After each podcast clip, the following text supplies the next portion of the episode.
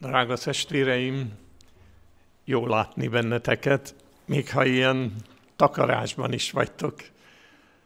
Reméljük, hogy az Isten kegyelme őriz bennünket, és az ő áldása nem marad el a mi számunkra. A mi közösségünkben egyre több felmérést készítenek a legkülönbözőbb állapotokat szokták mérni, eh, amivel én magam is találkoztam. Egy ilyen felmérést készítettek, hogy a testvériségnek hány százaléka olvassa naponta a Bibliát. Remélem, hogy akik itt vannak, azok mind közéjük tartoznak, és naponta a kezünkbe vesszük a Szentírást, és olvassuk, és keressük az Isten gondolatait, keressük azokat az ígéreteket, amelyek a mindennapokban segítséget nyújtanak. Legutóbb pedig egy ilyen körkérdést hát tettek fel, hogy a közösség hány százaléka hisz a hatnapos teremtésben. Hát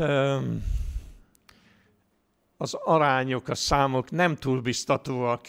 Jelenések könyve 13. fejezete alapján szemlélve a végső eseményeket. A közösségnek csupán mint egy 65 százaléka biztos abban, hogy Isten hat nap alatt, 6-24 óra alatt alkotott meg mindent, eh, ami ehhez a földhöz tartozik. Én is szívesen végeznék egy ilyen kutatást, de az én kérdésem az lenne a jelenlévőkhöz is, de úgy általában is, hogy a közösségnek hány százaléka rendelkezik öt bizonyossággal. Ha a jelenlévőket megkérdeznék, milyen eredményre számíthatnánk, testvéreim? Akik itt vagyunk, van üdv bizonyosságunk. Hisszük, hogy amit a Szentírás ír, hogy Isten az ő fia által megváltott bennünket, és üdvösséggel ajándékozott meg. Ez a mi számunkra bizonyosság. Ugye eltöprengtem azon, hogy a válaszunkat minek alapján adnánk meg.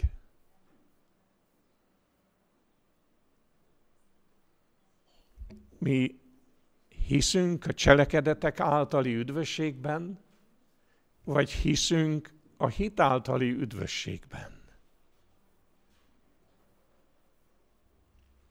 Az én szolgálatom során elég gyakran találkoztam olyan testvérekkel, akik mérhetetlenül szorongtak, és különösen az idős korban, amikor már eh, közel jön a gondolat az elmúlásnak a gondolata. És jó néhányan szorongtak és kétségbeesés határára jutottak, hogy vajon, ha Isten elszólítja őket, üdvözölnek, vagy nem. Én azt tapasztalom, testvéreim, hogy közöttünk helyet talált egy gondolat, a cselekedetek általi üdvösségnek a gondolata. Mert amikor az üdvösségre gondolunk, amikor, amikor az elmúlásra gondolunk, akkor mi jelenik meg a gondolatainkban? Hogy mit vétettem legutóbb? Hogy milyen hibát követtem el, milyen bűn terheli az én lelkiismeretemet. Én úgy gondolom, hogy ezt a beférkőzött gondolatot, amit a Biblia úgy említ, hogy, hogy Babilon megfertőzte az embereknek a gondolatát is. Minden népet megrészegített az ő italával. Én szeretném, ha ma foglalkoznánk ezzel. Ha Jézus ma eljönne, testvér, készen lennél? Mikor lehetünk készen? mi tesz bennünket készé Jézus fogadására.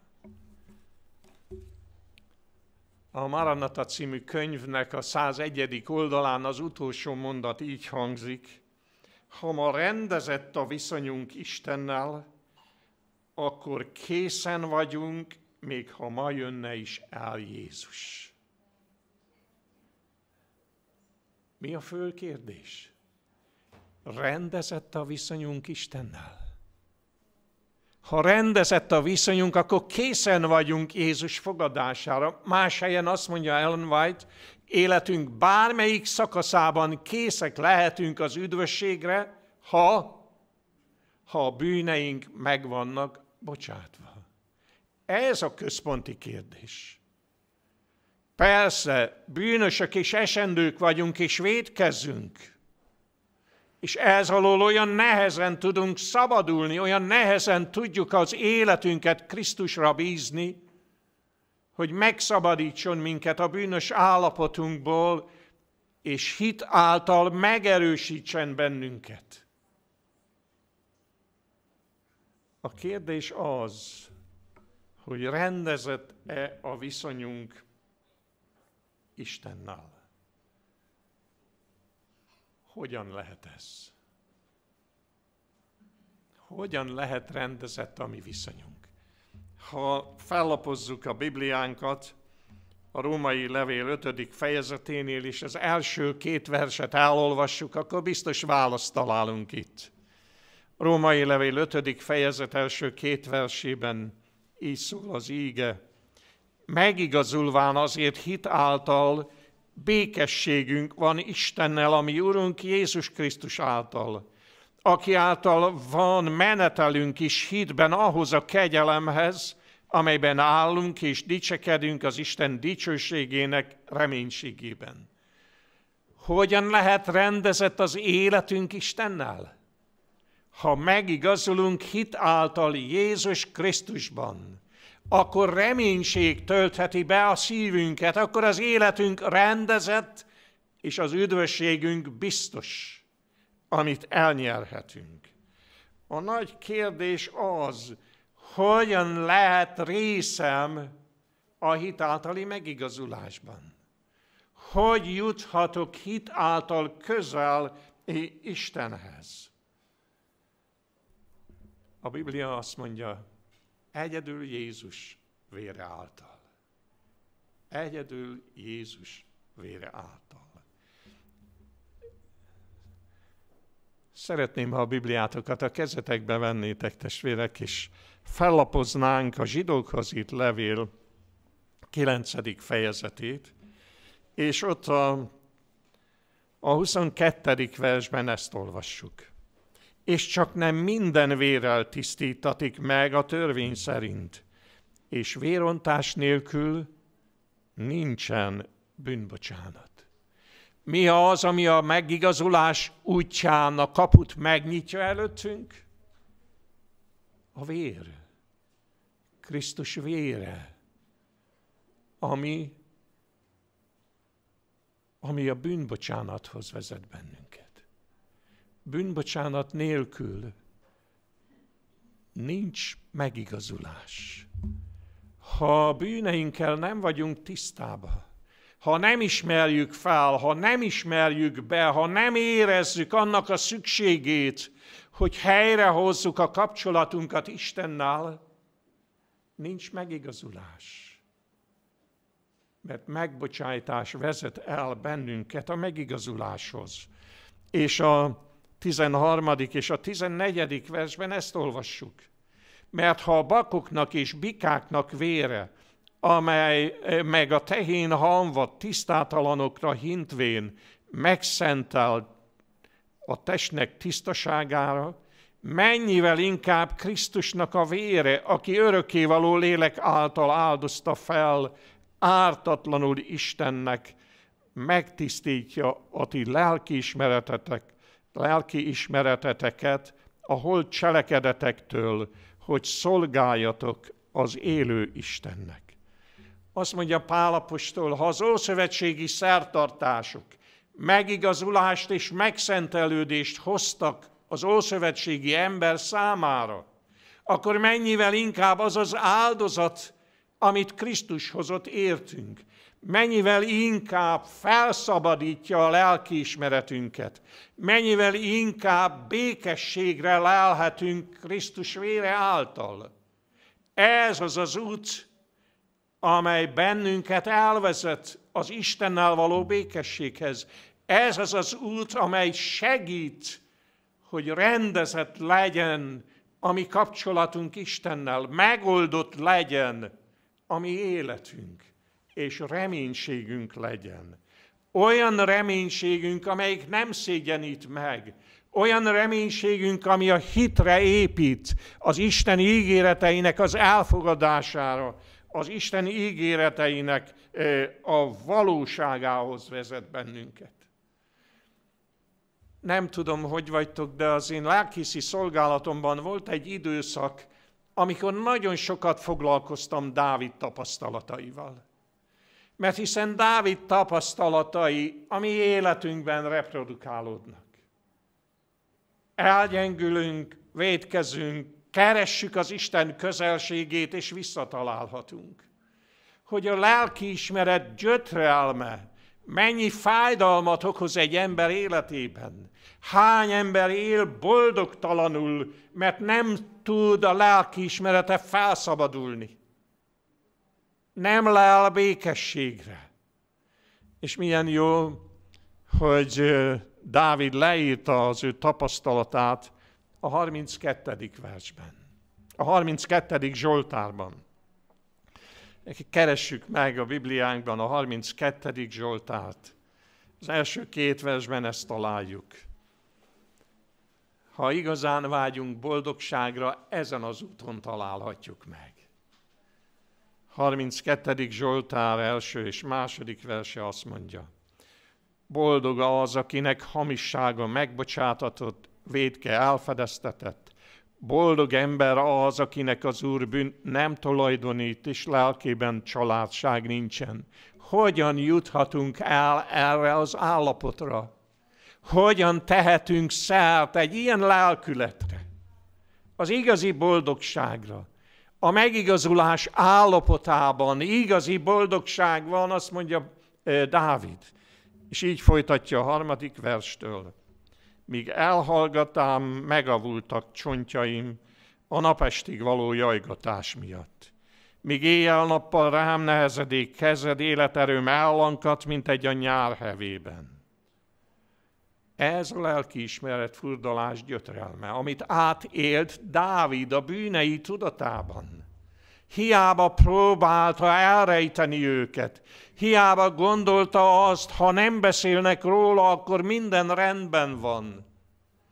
Mert önmagában nem volt rendben a dolog.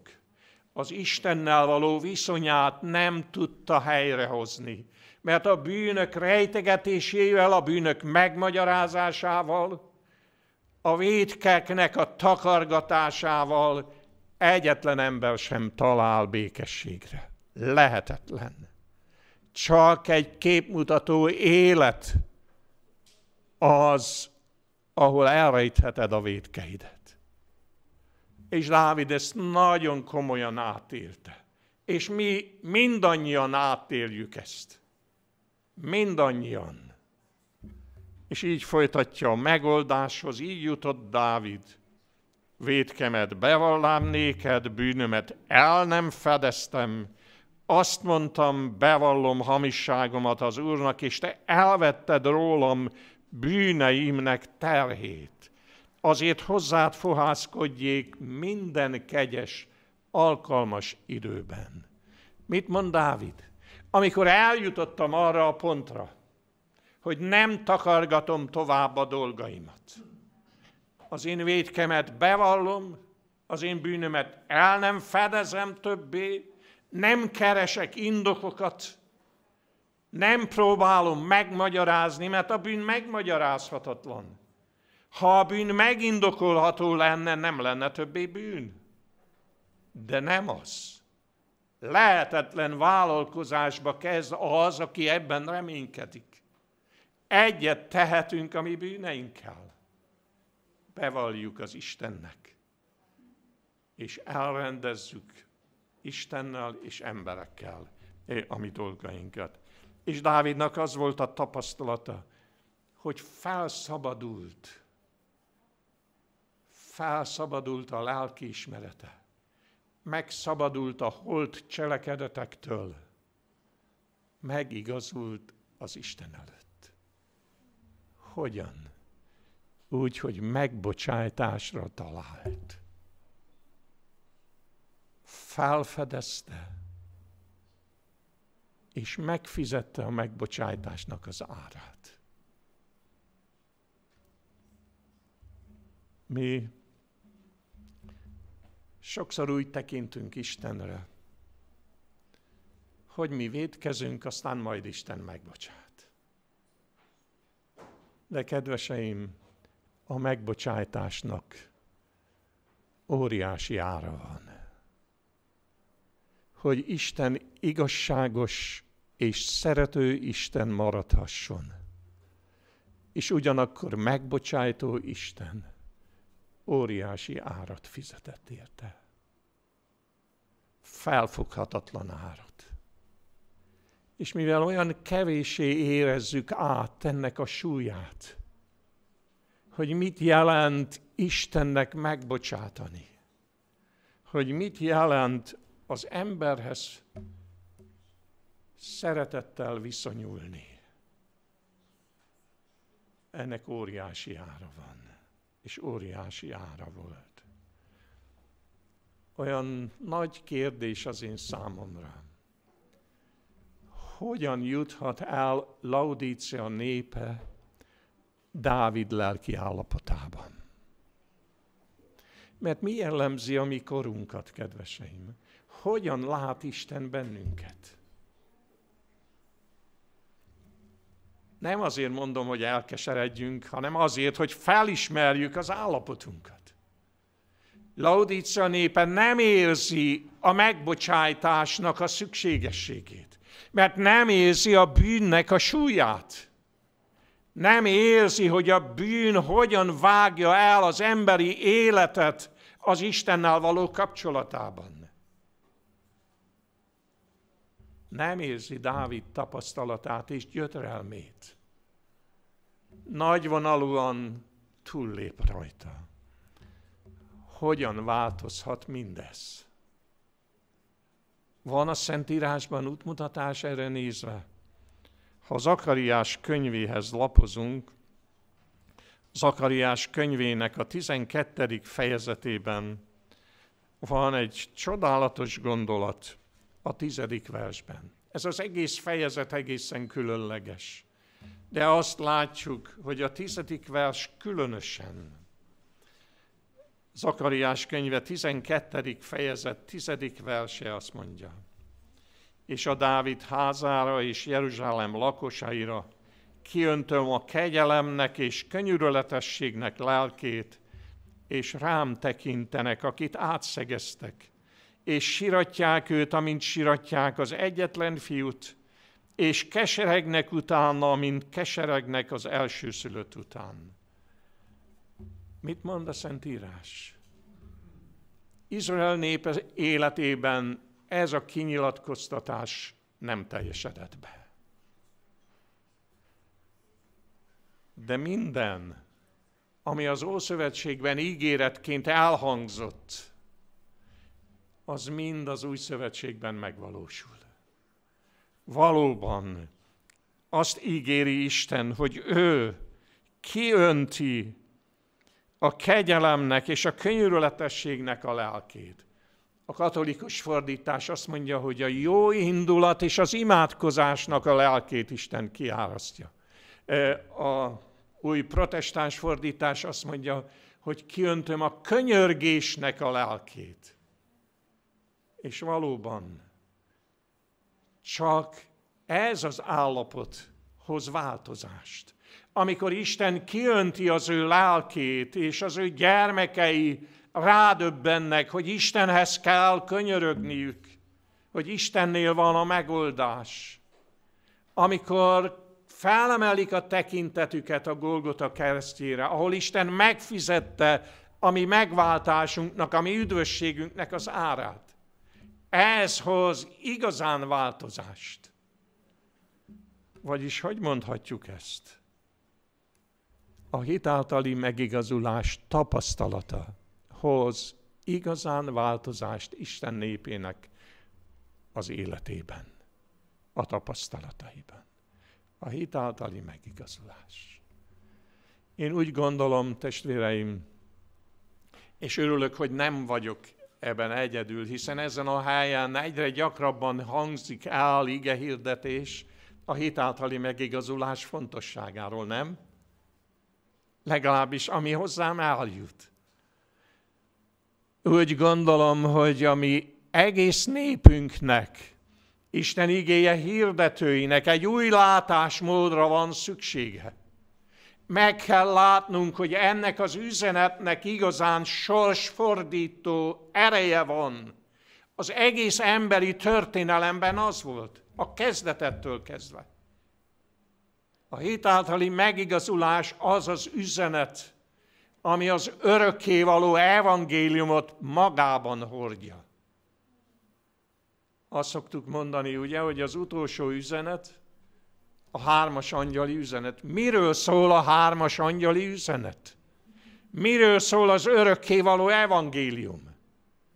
A hét általi megigazulásról. Hiszen az, aki féli az Istent, aki néki adja a dicsőséget, aki felkészül az ítéletre, aki imádja a teremtőt, és engedelmeskedik az ő parancsolatának, milyen ember az? Hitáltal megigazult ember. Csak a hitáltal megigazult ember életében válik valóra az első üzenet. És a hitáltali megigazulást elvető emberek életében lesz igaz a második angyal üzenet. És a harmadik angyal üzenete, aminek hangos szóval kell eh, hirdettetnie, és amely által az Isten dicsősége beragyogja a földet, a harmadik angyal üzenete, a hitáltali megigazulás üzenete. Ellen White azt írja, hogy sok levelet kaptam, akik azt kérdezték tőlem, hogy a harmadik angyal üzenete valóban a hitáltali megigazulás üzenete? És Ellen White azt mondja, az én válaszom ez. Igen, a harmadik angyal üzenete a hitáltali megigazulás üzenete. Bemutatja, hogy mit eredményez ez. Álhatatossá teszi az embert. Isten törvényének a megtartásához segíti hozzá. És Krisztus hitével a megváltás, az üdv bizonyosság szilárd hitével rendelkezik az, aki a harmadik angyali üzenetet elfogadja. De ez az üzenet beszél arról is, hogy mi lesz azoknak a sorsa, akik nem fogadják el. Én szeretnélek meghívni benneteket, testvéreim, arra, hogy nézzük meg, hogyan viszonyultak a különböző korokban az emberek a hitáltali megigazuláshoz, és mi lett annak a következménye. Jó? Tegyünk egy kis történelmi áttekintést. Amikor még egészen kicsi volt a gyülekezet, négy főről beszél a Biblia, ugye? Amikor Ádám és Éva megélte azt, amiről a zsidókhoz írt levél beszél, hogy vérontás nélkül nincs bűnbocsánat. Mit éreztek, amikor látták kimulni az első bárányt? És amikor Isten lelke az ő tekintetüket Isten ama bárányára irányította, aki vére által megváltja az embert. Milyen különös, ahogyan ez az áldozat az elfedezésnek a szolgálatát bemutatja. És aztán megszületett a két fiú, Kain és Ábel, és Ábel úgy gondolta, hogy igen, valóban nincs megbocsájtás vérontás nélkül. Hogy Isten igazságos maradhasson, valakinek meg kell az árat fizetni, a bűn árát. Meg kell fizetni. És Ábel boldogan vitte az áldozatot. Kain pedig úgy gondolta, hogy cselekedetek által is rendezheti a viszonyát Istennel, nem? Ennyire korán felbukkant a cselekedetek általi üdvösségnek a gondolata. És Kain nyugodtan odaállt az Isten elé a keze munkájával, a keze munkájának az eredményével, és úgy gondolta, hogy Istennel így is rendezheti az ő dolgait. De lehetetlen. Lehetetlen. A reménység, a rendezésnek a reménysége csak vér által lehetséges. Vérontás nélkül nincsen bűnbocsánat. Nincs. Milyen különös, milyen gyorsan elterjedt ez a gondolat. Mire vezetett? Alig telt el néhány generáció. Alig telt el. És Kain nemzedéke eljutott oda, hogy amikor Isten letekintett erre a földre, akkor azt látta, hogy az ember képtelen a jóra. Képtelen. Annyira megromlott a földi ember viszonya az Istennel, hogy szívének minden alkotása szüntelen csak gonosz volt. És a Biblia kimondja ezt a, a rettenetes megállapítást. Isten megbánta, hogy ember teremtett. Testvér, át tudod érezni az atyának az érzését, hogy mi volt az ő szívében? Amikor arra vágyott, hogy az ember visszatükrözze az ő jellemét, az ő szeretetét, az ő kedvességét, jóságát. És amikor letekint az ember, akkor azt látja, hogy szívének minden alkotása szüntelen csak gonosz nem volt más kiút, mint hogy Isten vízözön által véget vessen a bűn hömpölygésének. És nyolc ember volt, akiket Isten át tudott menteni, és hát legyünk őszinték. Problémák voltak ott is bőven. De miközben a hitáltali megigazulás gondolatát elvetették az emberek, és megromlottak. Élt a Földön ez alatt az idő alatt, ezek között a körülmények között egy énok. Nem? Egy énok. Énok élete az egész történelem számára azt hirdeti, ha az életedet összekapcsoltad, az emberi életedet összekapcsoltad a hitáltali megigazulás által Istennel, győzhetsz, eljuthatsz egy olyan lelki magaslatra, hogy a halál elveszítette az életet felett az uralmat.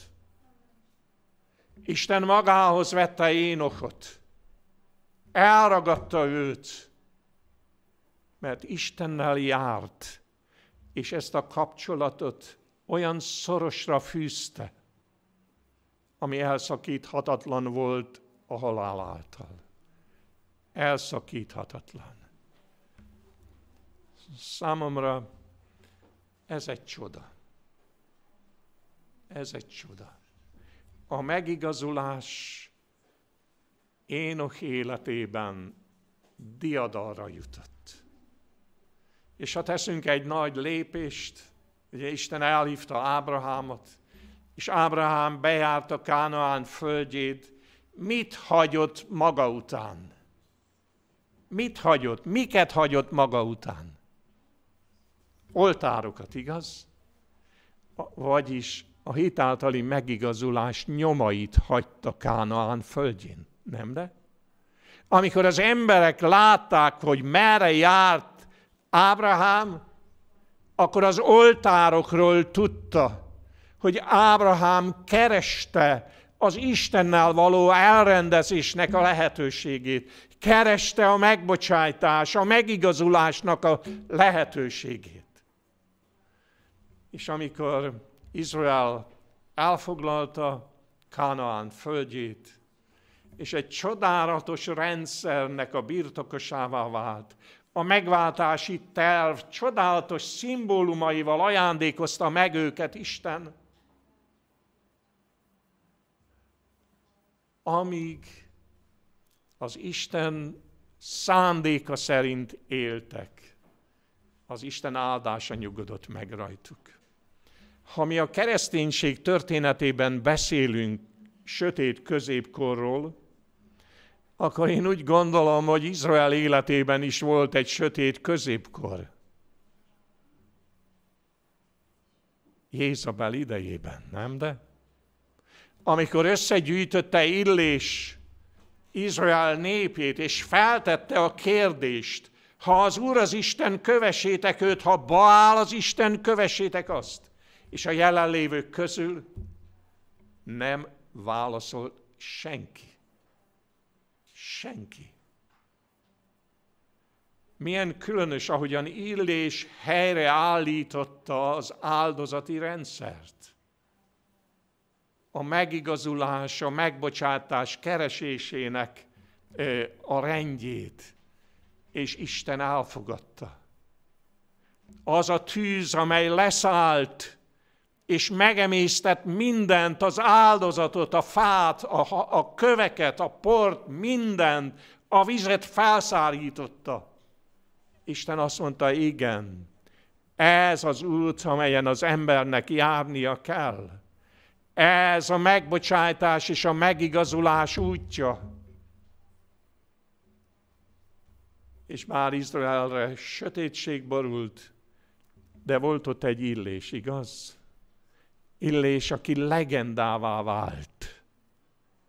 A megváltási terv legendájává vált. És amikor Isten lezárja az Ószövetséget, akkor az elragadott illésre hivatkozik, igaz? És azt mondja, hogy mielőtt a történelem véget érne, elküldöm illést, a profétát. És mit tesz? Mit tesz? Mi történik?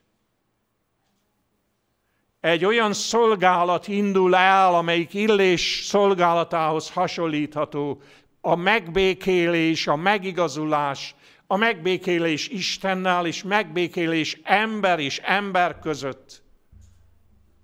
Csodálatos tapasztalat sorozatát fogja bemutatni.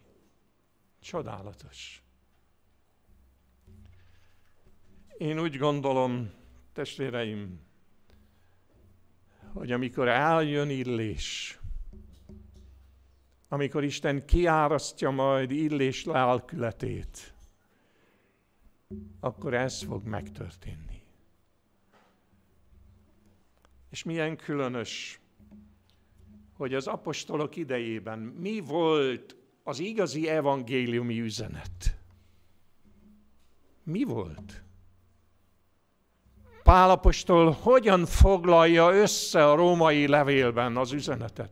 Péter hogyan mutatja be, hogy nem veszendő holmin, aranyon vagy ezüstön váltattatok meg a ti atyáitoktól örökölt hiába való életetekből, hanem a hibátlan és szeplőtlen bárány vérén, a Krisztusén. Nem a hitáltali megigazulás volt az apostolok üzenete? De igen, igen. Ez az üzenet fordította fel a világot. Ez az üzenet szakította el az embereket a bálványimádástól, Izrael gépies vallásától. Ez az üzenet az egész emberiség számára egy új időszámítást hozott. És amikor kikopott ez az üzenet az apostoli egyházból, mi jött? Babilon világa. A cselekedetek általi üdvösségnek a világa. Amikor azt mondták, azt tanították, bízd a sorsodat az egyházra. Ha hűséges vagy, ha hiszed mindazt, amit az egyház tanít, és ha fizetsz, az egyház megold minden problémádat. Elrendezi a bűnbocsánatot, biztosítja az üdvösséget. Ilyen állapotok uralkodtak. A hitáltali megigazulásról, ha levesszük a tekintetünket, sötétség és romlás borul az életünkre, kedveseim. És amikor jön egy szerzetes, egy Luther, Márton nevű szerzetes, amikor kezébe veszi a Bibliát, a leláncolt Bibliát, és Isten lelke a tekintetét odaviszi a római levélhez, amikor felfedezi, hogy van élet a bűnös számára, van lehetőség, hogy a bűnös igaz legyen a Szent Isten előtt, hogy megigazulhat hitáltal Krisztus vérében. Új korszakot nyitott, nem? Az egész emberi történelemben. Ez az üzenet. Egy új korszakot. És amikor a protestantizmusból kikopik a hitáltali megigazulás üzenete, és ennek az üzenetnek a helyét elfoglalják az egyházi hitvallások. Mit eredményez ez? Visszacsúsznak oda, ahonnan elindultak, nem? Visszacsúsznak oda. És az ökumenizmus köde borít be mindent. Mindent.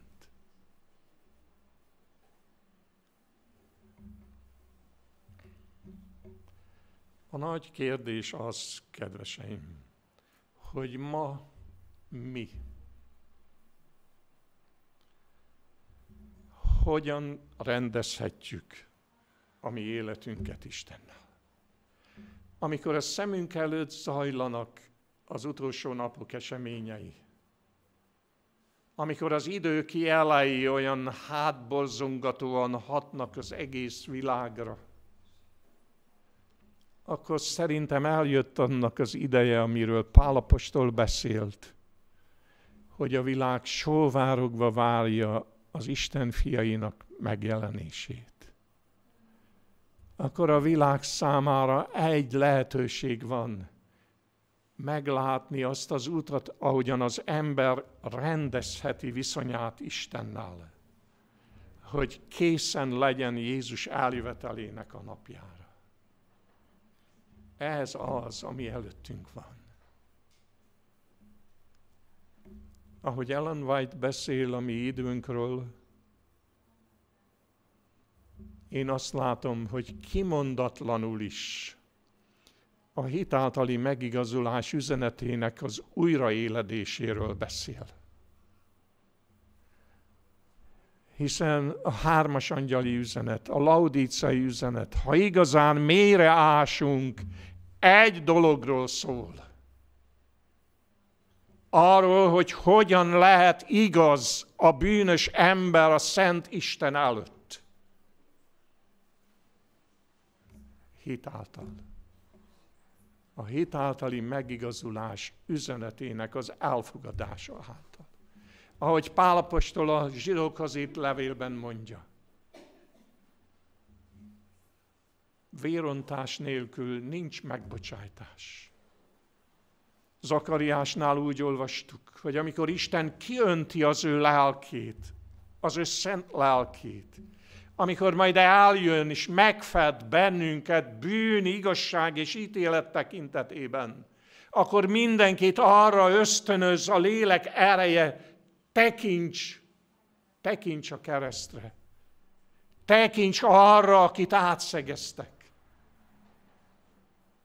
benne van a megoldás az életedre. Általa van a megoldás. Általa egy nép készül fel. Jézus fogadására.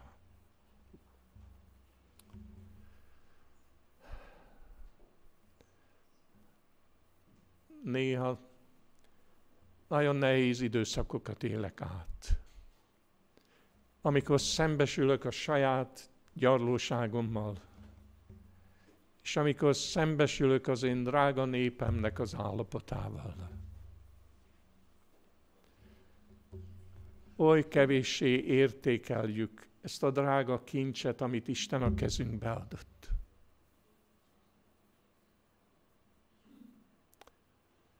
Olyan nehéz a kezünkbe venni a Bibliát. Úgy el vagytok kész, kényeztetve a kivetítéssel. Olyan nehéz, hogy nap mint nap kinyissuk a Szentírást, és olvassuk, és kutassuk a titkot. Hogyan juthatok el oda, hogy megállhassak a Szent Isten színe előtt. Olyan nehezen mozdulunk meg.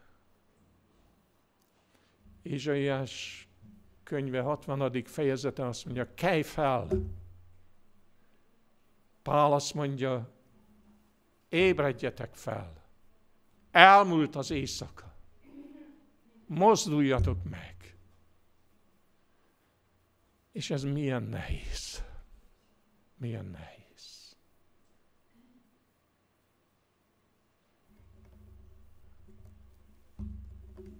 Tapasztalatok és Látomások című könyvben azt mondja Ellen White, hogy amikor majd a hű tanúbizonyság Laudicához intézett üzenetét meghallják és megértik, és e szerint cselekszenek, akkor céljukat magasra tűzik. Ki tudja befejezni a mondatot? Maszkban nehéz.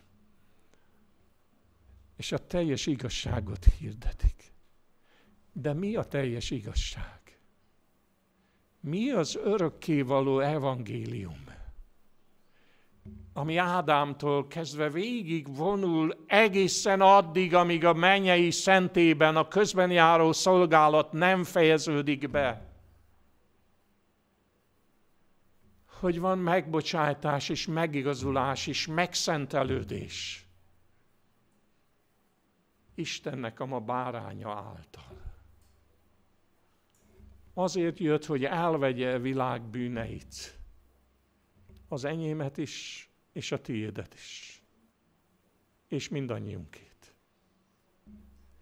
Miért olyan nehéz odaadni neki?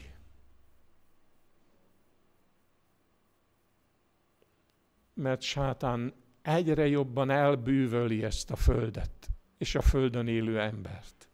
Egyre jobban elbűvöli. És mindent megtesz annak érdekében, hogy a Szentírást mellőzzük, hogy a profétaság lelkének ajándékával ne foglalkozzunk, sőt, egyfajta averziót ébreszt a profétaság lelkének írásaival szembe. Pedig ha jobban kutatnánk, ha többet olvasnánk ezeket a gondolatokat,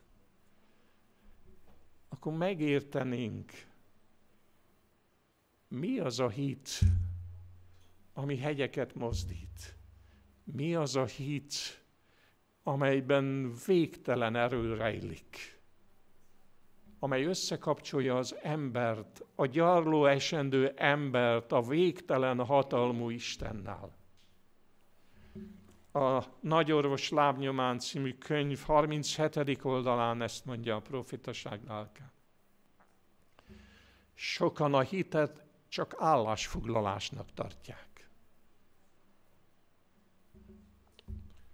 Ez az egyházi hitvallás. Egy állásfoglalás. A megmentő hit azonban egyesség, amely által azok, akik befogadják Krisztust, szövetséges viszonyba lépnek Istennel. Mi az igazi hit? Egy egyesség, amit megköthetsz Istennel. Nem számít, hogy milyen gyarló vagy. Nem számít, hogy mennyire esendő az emberi élet. A végtelen hatalmú Isten oda áll melléd.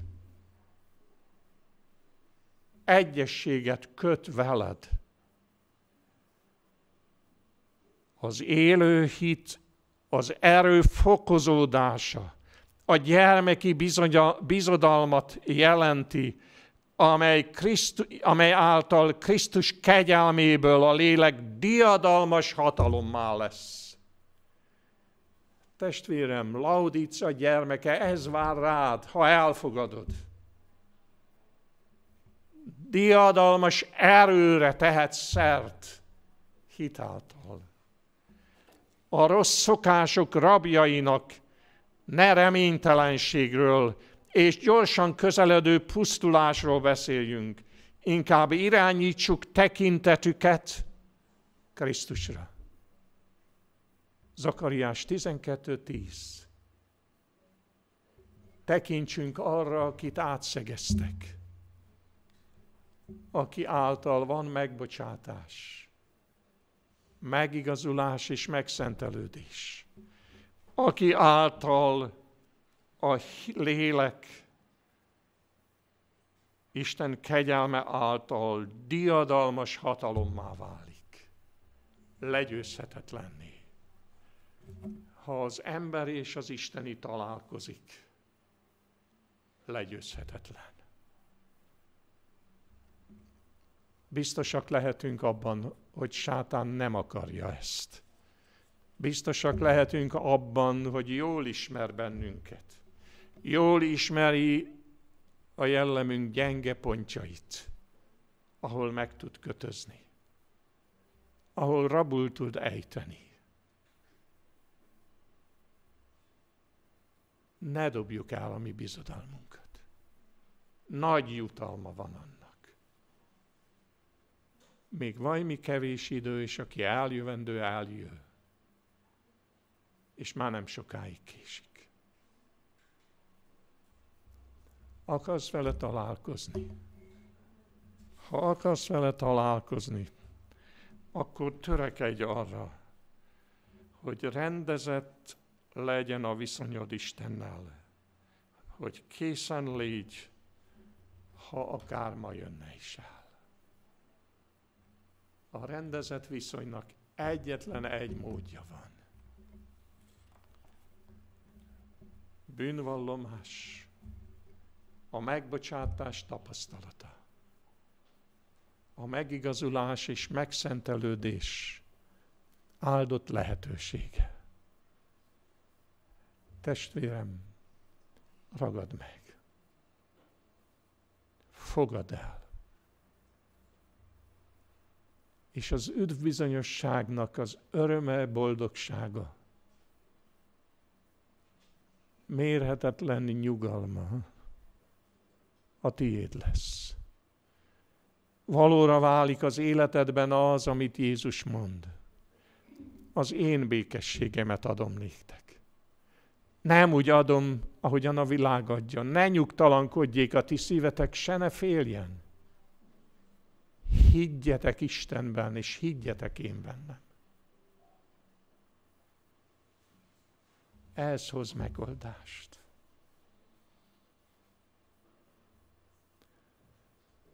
Drága testvéreim, számunkra minden egyes szombat különleges volt, amit közöttetek tölthettünk. Sokat beszélünk rólatok, sokszor emlegetünk benneteket. A drága fiatalokat, akikre Isten számít. akik által be akarja fejezni az ő művét. Szeressétek az Urat. Legyetek hűségesek hozzá. Bátorítsátok egymást. Szeressétek egymást. és készüljetek az ő országába. Mert minden kész. A királyi mennyegzőre minden kész. Járjátok ti is az utakat és az ösvényeket. És akiket lehet, hívjatok. Sőt, a Biblia ilyen, kif, ilyen furcsa kifejezést használ, kényszerítsetek, hogy jöjjenek. Hogy legyenek részesek a bárány mennyegzőjének. Isten áldjon meg benneteket. Nem tudjuk az életünk, hogy fordul. De azon a napon majd szeretnélek keresni benneteket.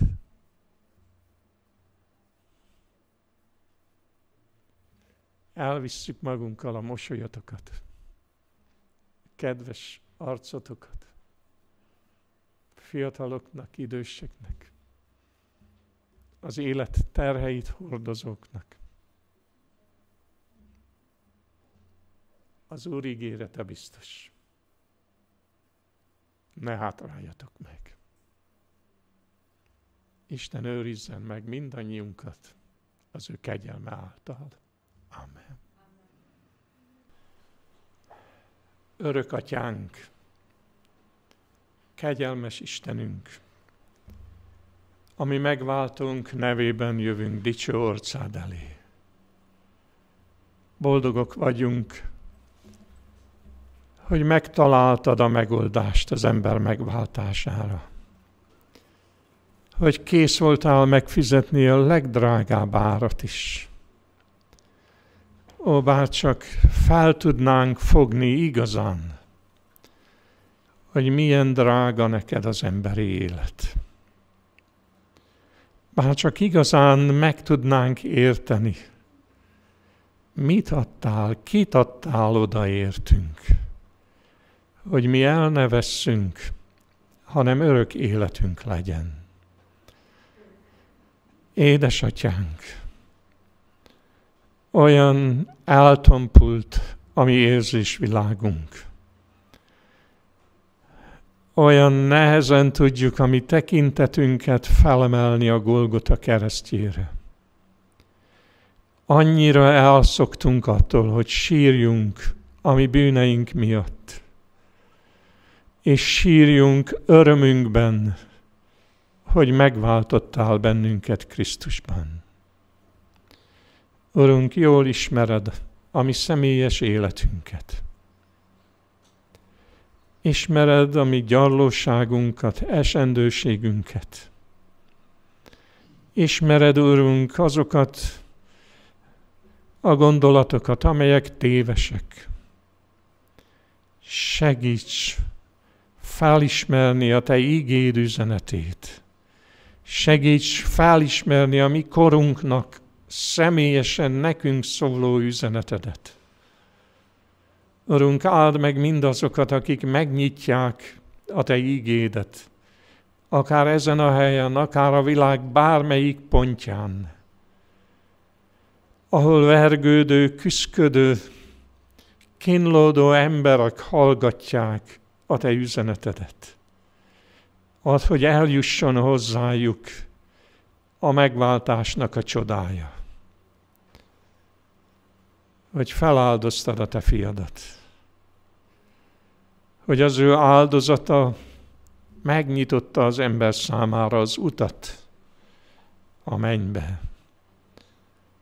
Urunk, tedd erőssé a te vonzásodat a te néped soraiban.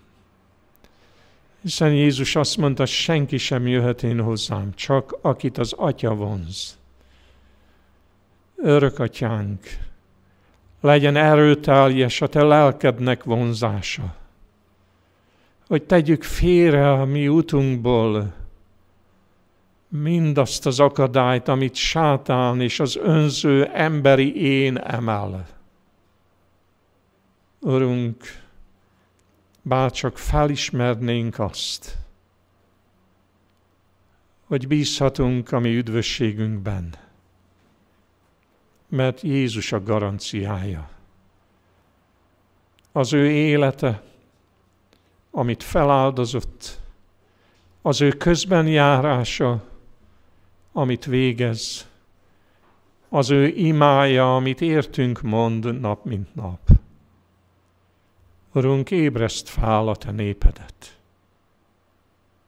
Hozd el a könyörgésnek a lelkét közénk, hogy a könyörgés által igazán meg tudjuk alázni magunkat dicsőséged előtt. Hogy meglássuk magunkat úgy, ahogy te látsz. De meglássuk azt is, és hitáltal meg is ragadjuk, amivé a te kegyelmed tehet bennünket.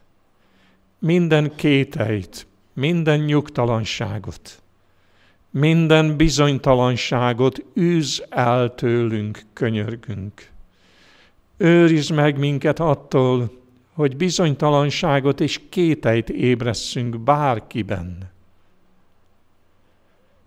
Tégy olyan szolgáiddá valamennyiünket, hogy segítsünk embereket abban, hogy felemeljék tekintetüket arra, akit átszegeztek hogy a megalázkodás, a bűnbánat mindennapi tapasztalatunká váljék, atyánk. Köszönjük, hogy ahhoz a néphez tartozhatunk, amelynek dicsőséges a jövője, amely népet különleges módon szeretsz, és amely népet felemelsz, és amely nép által megdicsőíted a te nevedet. Add, hogy közéjük tartozhassunk, atyánk. Jézus nevében. Amen.